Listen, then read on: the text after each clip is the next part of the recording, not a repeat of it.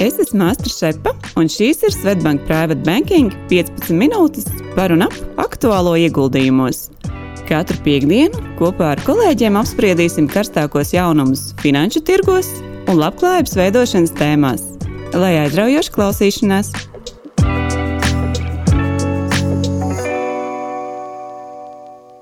Esiet sveicināti podkāstu 39. epizodē. Šodien es Mārtiņš esmu kopā ar Ventu Riņķi, vecāko privātu banķieri. Čau, Ventu! Čau!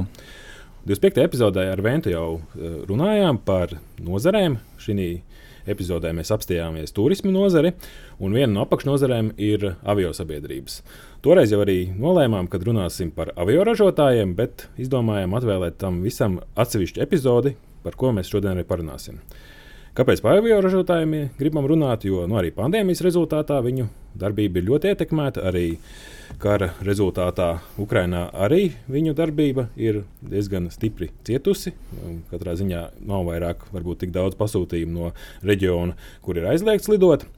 Ja mēs skatāmies droši vien arī šīs pašas avio sabiedrības, par kurām mēs runājam, par Raineru un Luhāns, man liekas, arī tur no podkāstu iznākšanas rezultāti ir bijuši ļoti labi.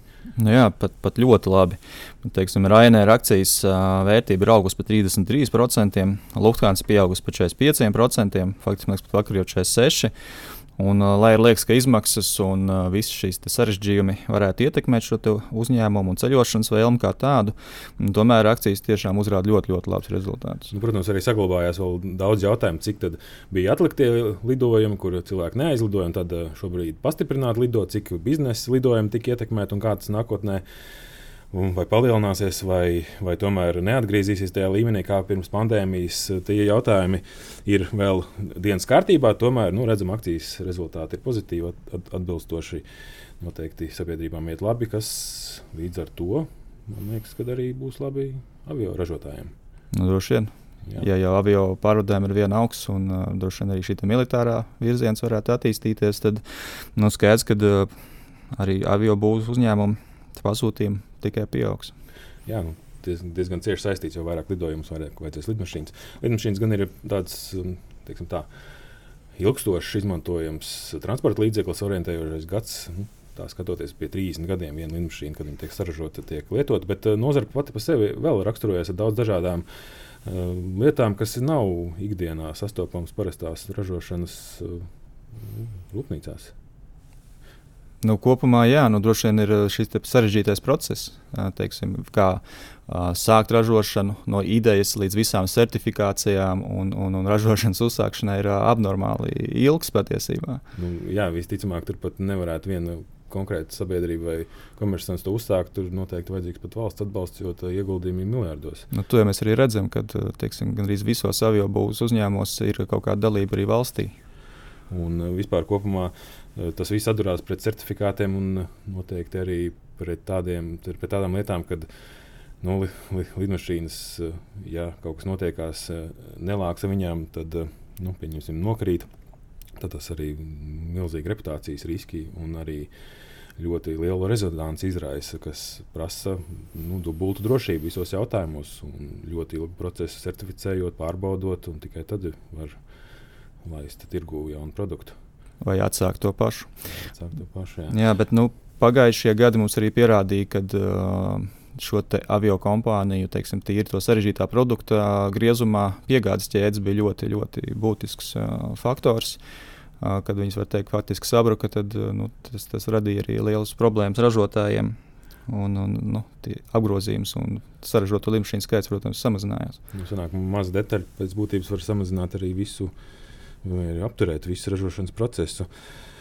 Nu, lūk, jā, mm, vēl jau specifika ir arī uh, tāda, ka, nu, ņemot vērā, ka lidmašīnas ir sarežģītas, kā mēs jau runājām, iekārta, liela iekārta, daudz mazie mehānismi. Tur arī nav tā gluži, ka viņi saražo un izliek tirgu un gaida pāri pircēju. Tad uh, katram no lidaparātiem jau pirms tam zināms pircējs. Un tad, man liekas, šis ir tāds tā izteikti arī atšķirība, kad uh, ir rinda kad ir pasūtījumi, un tad uh, viņi tiek ražoti. Backlogi saucamie. Jā, jā, un tur tiešām nav jau kompānijas nevar sūdzēties par trūkumu. Ņemot vērā to, to ciklu, tas ir pat pāris gadi, kad no pasūtījuma līdz ražošanai. Šodien parunāsim par divām kompānijām. mēs parunāsim par Airbus un par Boeing. Tas ir pasaulē divas lielākās avio ražotāju.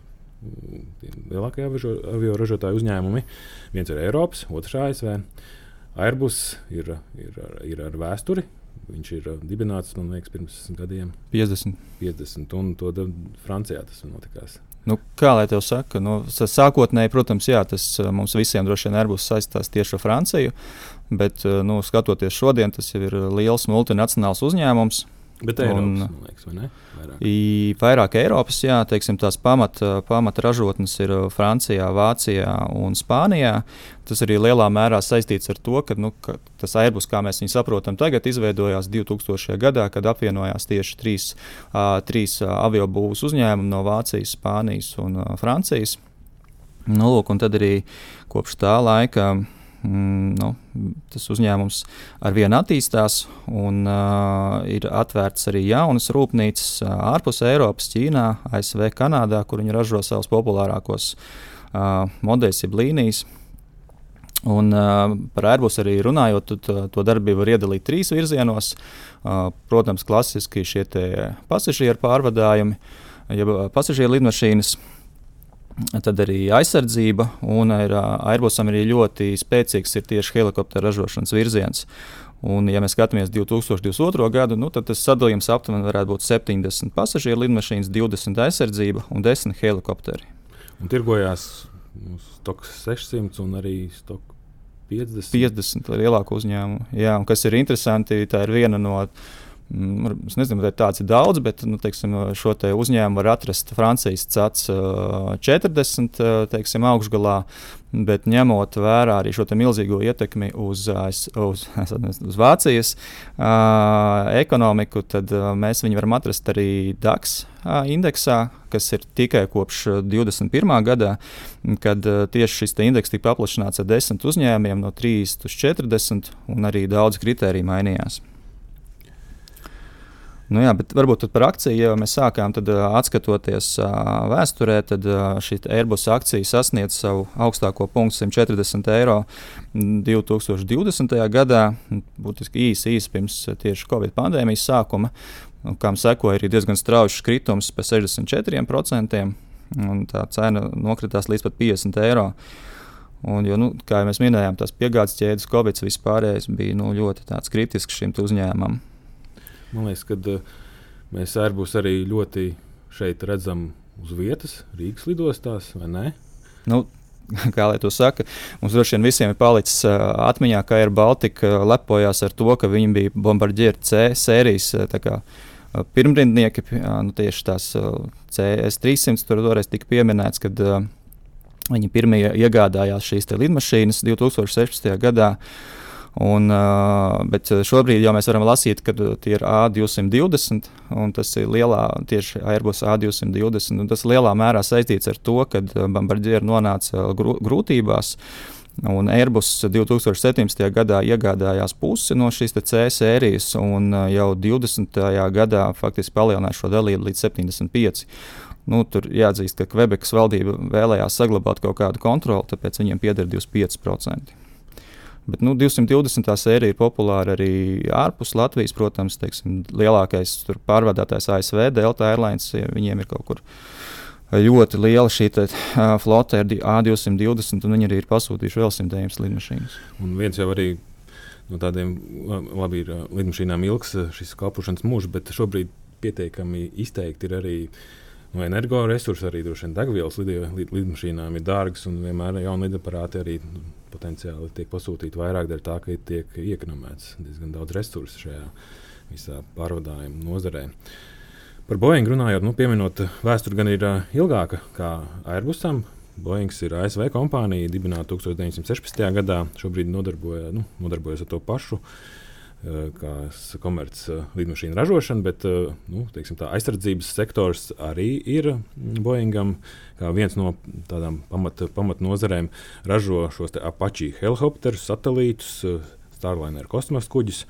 Un ar ko tad Boeings vienmēr mums, mūsu dzīvē asociējās? Kas tev ir tas, ar ko tu Boeing asociē? Droši vien Krainers. Reners. Nē, es Boeing asociēju ar 747. modeli. Un, eh, kas ir zīmīgi? Ir zīmīgi tas, ka šis modelis šogad tiks beigts ražot. Šogad šo modeli piegādos pēdējā, pēdējo reizi. Pēdējais modelis, nu, nezinu, modelis, bet nu, pēdējais eksemplārs eh, tiks nogādāts īpašniekam. Okay. Nu, lūk. Jā, un īstenībā. Tas arī viens no tādiem aktuālākiem notikumiem, kas ir Boeingam. Tad šī modeļa nomaiņa nākotnē plānojās, kad 777X sērija nāks vietā, bet nu, viņai jau bija jābūt šogad, bet sakarā ar piegājušu ķēžu problēmām Protams, tas ir aizkavējies un pagaidām prognozējās uz 25. gadu. Uh, vēsturiskais šis divu klāju 747. modelis tika saražots 1500 eksemplāros, pat nu, vairāk nedaudz, un ražoja no 67. gada. Es gribētu redzēt arī kādu Airbus modeli, kas uh, šādi izpildās. Nu jā, Airbusam, protams, ir uh, nu, pats, pats, pats populārākais ir A320 līnijas lidmašīnas. Tās tad, um, teiksim, tā, piedalās tādos komercreisos kopš 80, 1988. gada, kad, nu, protams, pirmais, kas lidoja, bija Air France. Nu, bet eh, atgriežoties pie akcijas rezultātiem un Boeinga, tad, eh, tad varētu paskatīties vēsturē. Ļoti labs periods bija no 2016. līdz 2019. gadam, kad akcijas vērtība no 110 dolāriem no to robežu uz, uzkāpa uz 440. Bet tad notikās jau pieminētie reputācijas problēmas jautājumi, kad nokrita nu, neīsā laikā divas 737 maks lidmašīnas. Un, attiecīgi, ko tas nozīmē, ja notiek divi negadījumi, tad jau tā nav nejaušība, tā ir kāda likumsakarīga, likumsakarība. Tad uh, tika apturēta šī modeļa. Nu, Izmantošana vispār komerclidojumos uh, jau uz 20 mēnešiem, un man liekas, pat uh, Āzijas pusē pat vēl ilgāk bija, bija mazāk izmantota šis modelis. Un, kas notikās pandēmijas laikā? Pandēmijas laikā cena nokritās par 70%, nu, kas ir tieši tajā mm, Covid-19 teiksim, kritumā, kas bija 20. gada martā, ja nemaldos. Un no tā laika, protams, ir arī nu, uzkāpusi stipri viena augstāka, jo problēmas ar piegāžu ķēdēm, ar kopējo pasūtījumu skaitu uzlabojās. Ja mēs skatāmies 18. gadu, tad eh, saražoja 806 lidmašīnas. 2022. gadā saražoja 480 uh, lidaparātus kopumā, nu, un pirms pandēmijas līmenī Boeing plāno atgriezties 25. gadā. Ja mēs droši vien īsi pieskaramies šobrīdējiem stāvoklim, akcijas vērtība 212 ASV dolāri, eh, trīs mēnešu laikā ir kāpus 52%, pamatā dēļ ļoti liela pasūtījuma, ko izdarīja United Airlines. Pasūtīja 200 lidmašīnas, un tas tā kā rinda pēc lidaparātiem Boeingam ir nedaudz pārsniedzis 5400 lidaparātus šobrīd. Un, man liekas, Airbusam ir pat vēl labāka situācija. Nu jā, Airbusam, ja mēs skatāmies šo rindu, tad šogad tā palie, pagājušo gadu palielinājās par 1078 jauniem pasūtījumiem. Un šis backlogs jau ir sasniedzis 7239 lidmašīnas, kas ir nu, tiešām gana daudz gadus jāgaida. Jo, teiksim, ja 22. gadā Airbus piegādāja 661 lidmašīnu, Nu, nu, no tām arī tieši 516 bija šīs A320 populārās. Un, un Airbus ir jau vairākus gadus, man liekas, arī priekšā Boeingam vienmēr viņš pārspēja. Šis ir viens svarīgs rādītājs, cik ir piegādes, fiziskās piegādes, un, un Airbus pārspēja par. par vienmēr ir tāda tā līderpozīcija bijusi pēdējos gados. Tas ir tāds nu, arī droši vien tur daļa, un varbūt tas Ķīna, kad joprojām Boeingu īsti negrib atzīt. Un, uh, teiksim, trīs lielākās Ķīnas avio kompānijas uh, plāno iegādāties tieši 300 Airbus lidmašīnas. Nu, Covid laikā tie pirkumi bija atlikti. Un, starp citu, kas par Ķīnu runājot, ir interesanti, ka Airbusam konkurence varētu sagādāt valsts kontrolētu tādu avio sabiedrību, avio būvniecības kompāniju COMAC, jeb Commercial Aircraft Corporation of China.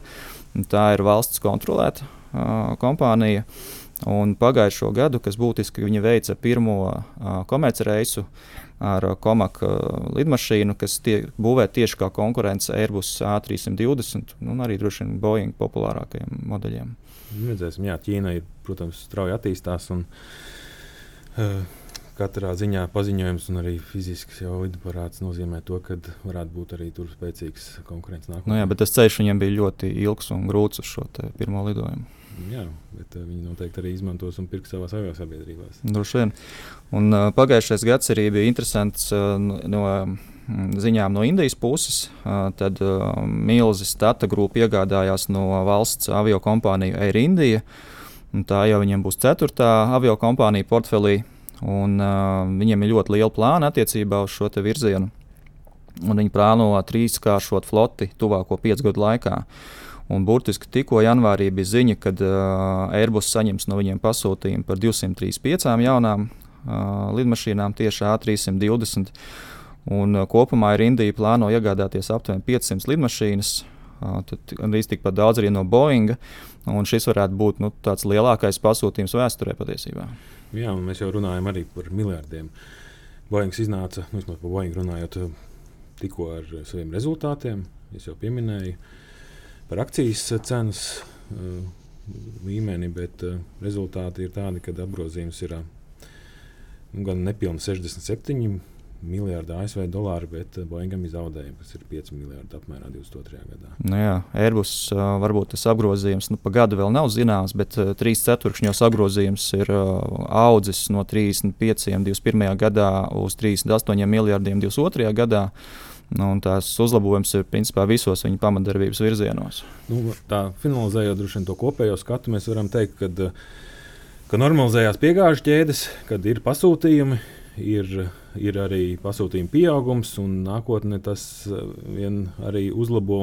Tie grūtie gadi, kas bija pandēmijas laikā, šobrīd jau mēs redzam tādu atkopšanās periodu. Bet arī, teiksim, ja mēs atskatāmies 2008. gadu, ja, ja mēs domājam, ka pasūtījumi varētu kristies kaut kādu krīžu laikā, tad 8. gadā teiksim, šo te rinda samazinājās tikai par 5%.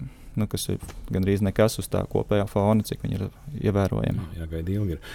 Bet ir arī labas ziņas tiem cienītājiem, kas varbūt atcerās Konkordas ātros lidojumus, Jā, nu, es... ļoti dārgos. Droši vien pagājuši jau laikam 20 gadi kopš pēdējā lidojuma. Komerclidojumi, teiksim tā. Un uh, kom, avio kompānijas atkal ir sarosījušās šajā virzienā. Uh, nu, atkal, atkal domā, kā saīsināt šos garos pārlidojumus uh, starp, starpkontinentālos. Un, uh, nav izslēgts, ka desmit gadu perspektīvā mēs ar vien vairāk dzirdēsim par tādu uzņēmumu kā Boom Supersonic. Šim uzņēmumam ir izdevies piesaistīt ievērojams investīcijas, un arī jau var teikt, ka nu, tāds pasūtījums no Air American Airlines un United. Un, nu, skats, ka tas ceļš nebūs viegls, ņemot, cik sarežģīts ir šis risinājums, un, un, un skatīsimies, kā tas viss attīstīsies. Jā, tieši tā. Šodien teikšu tev, Vent, liels paldies! Bija Noteikti patīkami tev parunāties par šo nozari. Noteikti apstīsimies arī nākotnē citas. Noteikti. Tiekamies citās epizodēs. Paldies! Uz redzi! Audio saturā dzirdētā informācija nav uzskatāms par ieguldījumu konsultāciju vai ieteikumu slēgt finanšu tirgus darījumus vai ieguldīt finanšu instrumentos. Paldies, ka klausījāties! Lai izdevusies diena un uz tikšanos nākamajā sarunā!